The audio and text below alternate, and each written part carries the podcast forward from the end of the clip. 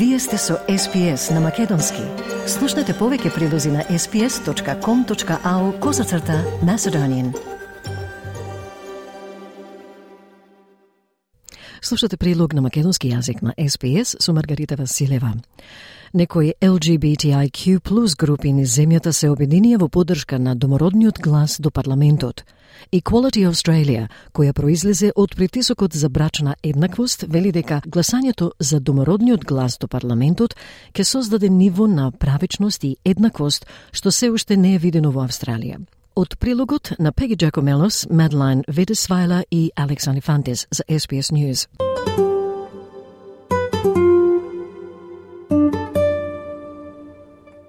Референдумот за домороден глас до парламентот ќе се одржи подоцна оваа година. Како геј абориджанин, Шейн Стерджес интимно знае какво е чувството кога целата земја разговара за неговиот идентитет.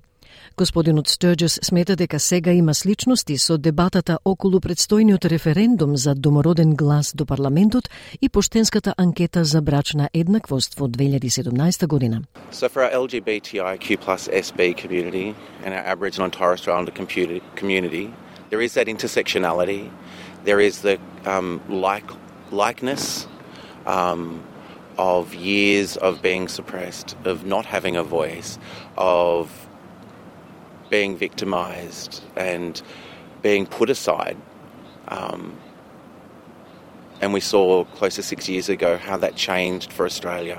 And we're asking for that change to happen again. Господинот Стерджес вели што се однесува на референдумот, релевантно е да се добие поддршката од целата нација, бидејќи гласањето за промена на уставот е задолжително, а не личен избор. Тој е извршен директор на абориджинската корпорација Black, која им се придружува на 22 LGBTIQ плюс групи од цела Австралија, кои стојат во поддршка на гласањето да на референдумот за домороден глас до парламентот подоцна оваа година. Господинот Стерджес вели дека е време да се соберат сојузниците и да се изгради основа на поддршка. It's important um, for the, to gain the support um, from allies and from like minded people to get messaging out. Um, in particular for our First Nations LGBTIQ plus SB community. Um, this is the second time that we've had national conversations around their rights. That um, you know, the talk at the moment is about the voice to Parliament, um, but it's more than that. It's actually individuals' lives that are affected. It's my life that's affected. My life was affected almost like, you know, close to six years ago with the marriage equality vote, and it's being affected again. That has significant impact on individuals.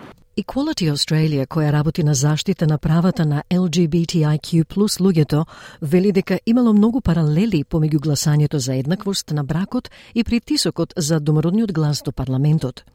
Гасан Касисјех, кој е правен директор на Equality Australia, вели дека анкетирале 4078 нивни поддржувачи и нашле широка поддршка за домородниот глас до парламентот, при што 89,6 од луѓето рекле дека ќе гласаат за.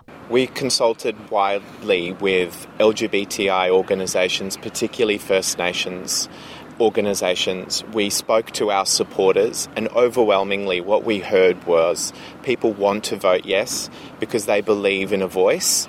They believe in giving First Nations people recognition in our Constitution and to listen to them on the things that affect them. Во онлайн анкетата 4,3% не беа сигурни како ќе гласат, а 6% од луѓето рекоа дека ќе гласат против.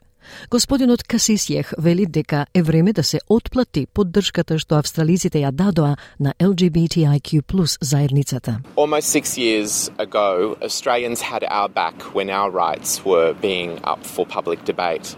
And it's now time for us to pay that forward and support our First Nations people in their right to have a say on the things that matter to them и додаде дека поддршката на домородниот глас кон парламентот е клучно и природно продолжување на нивната собствена посветеност да ги прослават сите аспекти на заедницата. Кампањата Не во својот публицитетен памфлет тврди дека предлогот домороден глас до парламентот е правно ризичен со непознати последици. Аргументот на кампањата Да објаснува дека нема зошто да се плашиме од слушање на советите на советодавно тело.